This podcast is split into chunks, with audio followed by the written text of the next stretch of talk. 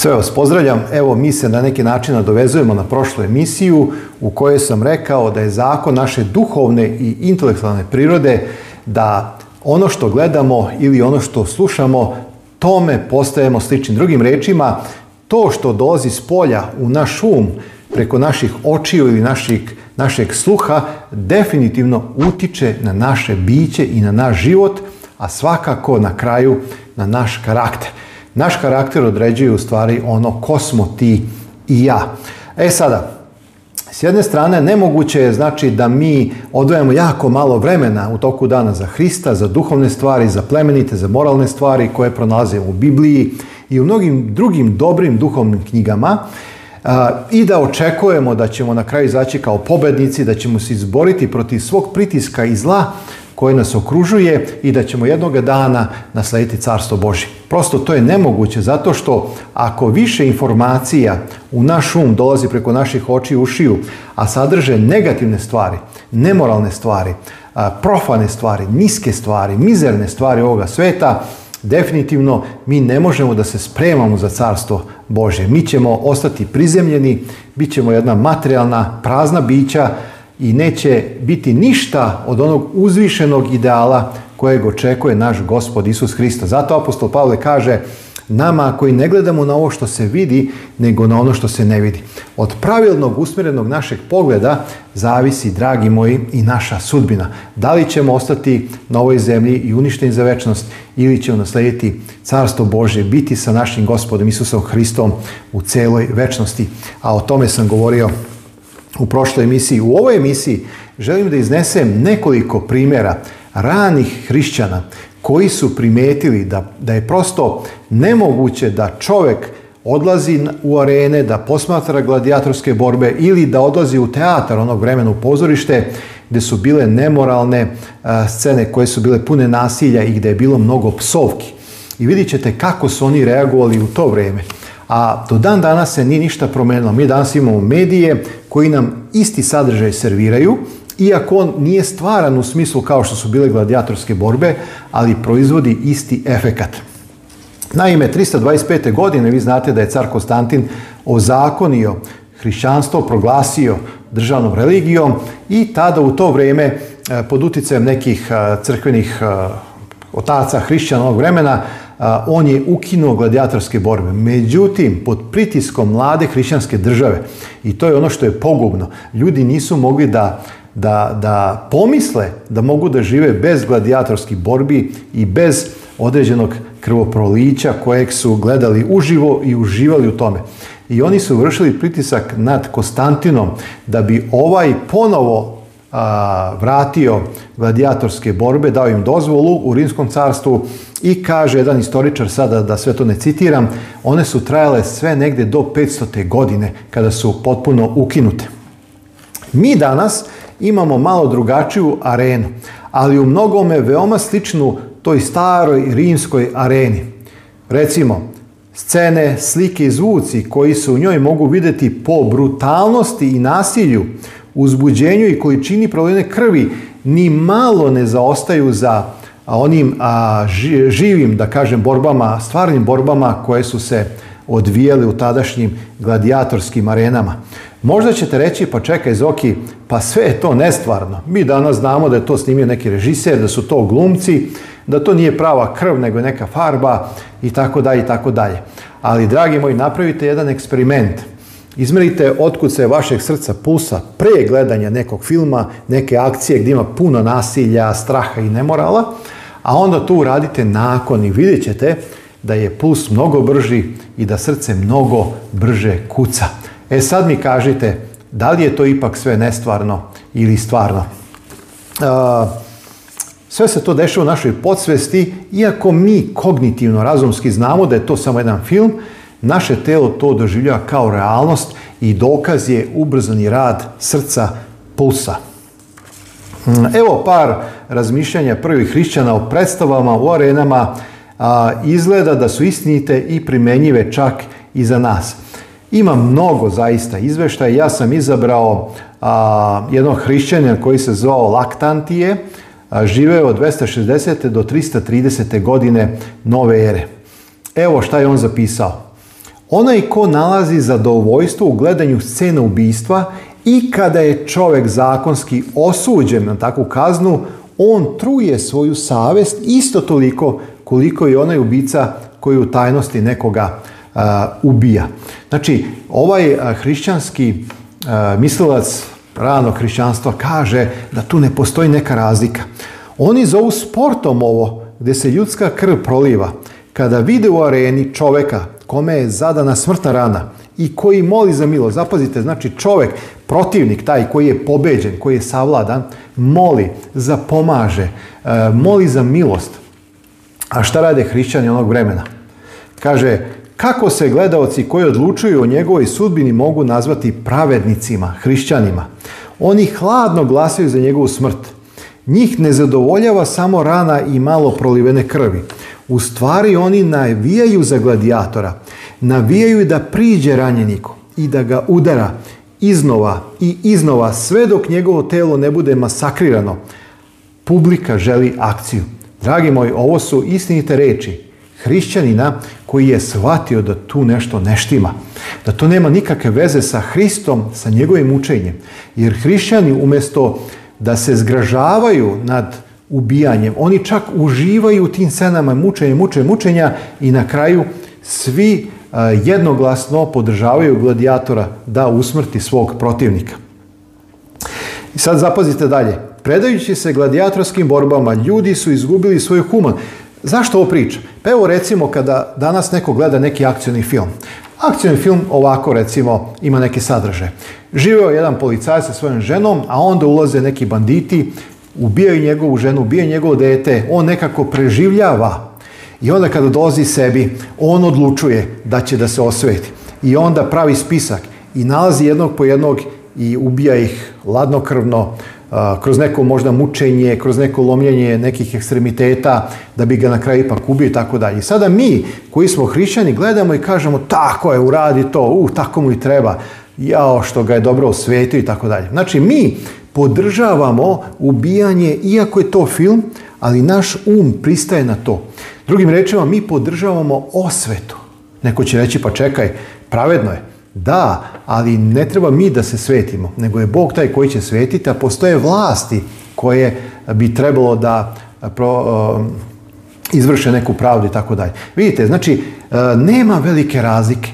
Ako danas ljudi, hrišćani, Zašto ovo pričam? Zato što želim da pozovem sve hrišćane, hrišćane posljednjeg vremena, koji sede ispred malih ekrana i gledaju horror filmove, i gledaju akcione filme u kojima ima mnogo nasilja, osvete, krvoprolića, ubistva, nemorala, seksualnih scena, šta god, gdje ima mnogo psovanja, gdje ima mnogo uzimanja uzalud Božjeg imena. Znate vi kako to Amerikanci rade, pa i mnogi drugi glumci na drugim jezicima. A ponajviše ovdje u Srbiji čujem kako ljudi psuju Boga. I sada sve to ja gledam iz moje fotelje i kažem, pa dobro, to je samo film, nema to veze sa mnom. Kako ću ja na kraju tog filma sklopiti ruke i reći, gospode, hvala ti za današnji dan, za vrijeme. Kako da mu kažem, hvala ti kada sam dva sata potrošio gledajući nemoralne cene, i uživao na kraju krajeva u tome. A vamo čekam Hristo dolazak, čekam, se, uh, čekam carstvo Bože u kojem neće biti tih akcijnih filmova, neće biti krvoprolića, neće biti nemorala, neće biti ubijanja i tih osveta. Neće. Pa onda se pitamo, pa čekaj, ako to meni sada a, uh, pričinja zadovoljstvo, ako, ako ja ne mogu bez toga, pa kako ću u carstvo Božje kad tamo neće biti to. Znači ja moram već sada da se oslobodim a, uh, svih tih stvari koje hrane moju dušu i da se zapitam, ako je to nešto što ispunjava meni, ako ja to volim da gledam, pa gdje sam ja u odnosu na Hrista? Da li uopšte Duh Sveti u meni koji se zgražava na sve to? Evo, dragi moji, to je samo jedna moja opaska. Ja moram, ja, želim, ja, osjetim u dubini duše i svako jutro kad se probudim, meni Duh Gospodnji daje šta da ja vama prenosim i koje upozorenja da evo delim sa vama i kako da se zajedno hrabrimo, da se motivišemo da polako neke stvari ostavlju u našem grešnom životu, da se naša duša, naš dug, da se pročišćava i da se spremamo za susret sa Carstvom Božjim, sa, sa našim Hristom. Kaže, predajući se a, gladijatorskim borbama, ljudi su izgubili svoju humanost. Dakle, mi koji smo izabrali da hodamo putem pravednosti ne bi trebalo da imamo udela u ovim javnim ubistvima. Bog nam zabranjuje da ubijamo. On nam zabranjuje svako nasilje, pa i ono koje je ljudskim zakonima dozvoljeno. Znači, bile su dozvoljene gladijatorske borbe, a, bilo je ozakonjeno, ali hrišćanin, bez obzira što je to dozvoljeno, nije trebalo da odlazi, nije trebalo da da podršku, nije uopšte trebalo da se ponovo vrši pritisak na Konstantina da uvede gladijatorske borbe.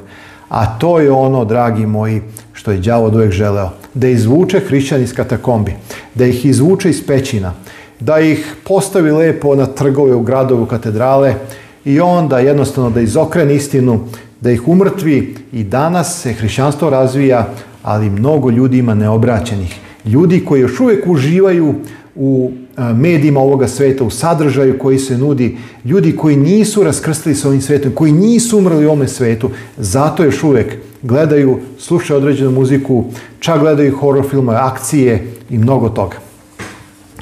Sklon sam mišljenju da utjecaj scene je veoma negativan. Likovi u komedijama na sceni predstavljaju razuzdane devojke, preljubočince i prostitutke. Ovdje je sada reč o pozorištu onog vremena. Slično tome tragedija pred oči gledališta donosi scene ubijanja roditelja, incesta, mučenja. Ni scena imitatora nije ništa bolja. Oni uče preljubi pokazujući je. Kako ponašanje možemo očekivati od mladih ljudi koji gledaju predstavljanje svih tih stvari bez imalo stida ili od onih koji sve to sa požudom posmatraju. Laktinius, Sveska šesta, glava 20. Evo, to je citat. Inače, u ovom kontekstu, samo da spomenem, jedan autor je rekao kolevka, misli se na kolevku u kojoj leži beba, kolevka pred kojom se ne kleči, najavljuje generaciju pred kojom se drhti. Znači zašto? Zato što iz dana u dan, iz generaciju u generaciju, dolaze ljudi koji su mnogo otupeli na moral, na dobre stvari, na plemenite, ljudi su ispunjeni nasiljem, nemoralnim scenama, reklame koje nas okružuju često imaju nemoralni sadržaj i mi jednostavno živimo i zato majke ili roditelji koji se ne mole nad svojim detetom, koji ga ne vaspitavaju u duhu Božje, da ga vode Hristu, definitivno te generacije bit će surove, to će biti savremeni varvari koji će za sitnicu ubiti, koji će za, za samo jedan pogrešan pogled doći da ti, da, da ti razbije nos, koji će biti spremni da iz momenta učine nasilje. Možda će samo poslije kad reći jao šta sam uradio, ali kasno zato što su ljudi mnogo nervozni, ljudi su napeti, ljudi su ispunjeni negativnim informacijama koje godinama, godinama, godinama utiču na njihov karakter da postane neosjetljiv. Kao kada sam išao jednom kolima prolazi, nisam se mogao zaustaviti pošto sam bio baš preko raskrsnice i vidim sa leve strane jedna baka pada i tu su neki iz škole škole, samo sam primijetio, znači mladići, zato sam e, povezao da idu u školu, smeju se, umjesto niko nije, bar koliko sam vidio u daljini, niko nije ni prišao da pomogne toj baki. Jednostavno, ljudi su postali neosjetljivi. Sada, evo još jedan primjer i tu završavam. 140. godina do 230. godina posle Hrista u pitanju je Tertulija. Kaže ovako, zapazite kad su u pitanju pozorišne predstave. Jedan otac koji je pomno štitio svoju čer od svakog paganskog razgovora i reči, poveo je u teatar i tako izložio svom prljavom rečniku i scenama. A onda je sebi postavio jedno retoričko pitanje. Kako je moguće gledati i slušati te pogane razgovore koji su izašli iz usta nekog čoveka, a da te reči ne opogane i one oči koje gledaju i one uši koje slušaju. Vidite, jedno retoričko pitanje, ali potpuno utemeljeno ispravno. Znači, kasnije ovaj istoričar kaže da je čovjek uzeo svoju čerku za ruku i rekao, čeri, vratimo se kući, ovo više nije mjesto za nas. Nove generacije rastu programirane da žive u nestvarnim svetovima, bez želje i snage da koračaju protiv vetra – Drugim rečima, današnje generacije su blazirane, neosjetljive, otupele. E, sve se svodi u lovu na ono senzacionalno. Postali smo potrošačko društvo. Postali smo hedonističko društvo koje ne može više da kritički posmatra, evoluira, nego sve se svodi na percepciju slike. Umrtljeni smo, samo gledamo, gledamo, gledamo, a ne možemo da stignemo da procesuiramo jer scene idu za scenom. Nemamo vremena da zastanemo i da razmišljamo o nekim stvarima, o našem životu, o nekim odlukama. I evo, Ko će se boriti da ovaj svet ostane tako kako mesto za život? Sve dobro na ovome svetu učinjeno je kroz one koji su, koji su umesto očaja svetu ponudili nadu umanjujući zlo i stvarajući dobro. Bez obzira na veličinu problema sa kojima se e, suočavaju, oni imaju snagu i motiv i cilj da se bore. Da li ti i ja još uvijek imamo motiv i cilj da se borimo protiv nemorala, protiv laži, protiv korupcije, protiv iskrivljenja, protiv o, mnogih stvari koje su prisutne u društvu, a nema dovoljno snažnih i jakih ljudi da ustane protiv toga. Završit ću ovu emisiju time što ću ponoviti reči koje sam rekao u prošloj emisiji. Hrišćanin je moralno dezinfekciono društvo u ovome svetu koji se kvari, koji truli i koji smrdi. Isus je rekao, vi ste so svetu. Ako so obljutavi, čime će se osoliti? Kako ćemo dati ukus ovome svetu ako i sami obljutavimo? Vi ste videlo sveta. Znači, ne može se sveća staviti pod neku šerpu ili lonac, jer onda nema smisla. Znači, hajde da budemo zaista videlo ovome svetu, hajde da budemo so, a to ćemo učiniti jedino ako ne dozvolimo da obljutavimo. Tada možemo biti na korist, a Isus kaže, ako so obljutavi, ona nije ni za što, nego da se baci na put i da je ljudi pogaze. Da li ćemo dozvoliti da se tako nešto desi figurativno sa našim životom? Da živimo jedan kratak život zemajski, to vam je ona crtica između godine rođenja i godine smrti, to je ta mala crtica, to je naš život. Da li ćemo dozvoliti da nam prođe u da, da ne ostavimo nikakav trag? Dragi moji, evo, malo sam ovaj, možda i brže pričao i sve, ali toliko je toga u mojim mislima, ne želim da emisija ide dugačko, ali imam mnogo informacija koje bi još mogao da podelim, ali verujem da su ove dovoljne, da razmišljamo na jedan pozitivan način o ovoj temi i da raskrstimo možda sa nekim stvarima i navikama koje smo imali do sada, da shvatimo da nećemo zbog toga ostati siromašni i prazni, jer Isus Hristos nam je dovoljan. U njemu dolazi sva punina. I kada Hristos dođe u naše srce duhom svetim, nama ništa na ovome svetu neće više nedostajati. Imaćemo sve. To je moje iskustvo, ja znam da je to iskustvo vas mnogih i hajde da idemo, da idemo napred. E, još jedna stvar samo na kraju.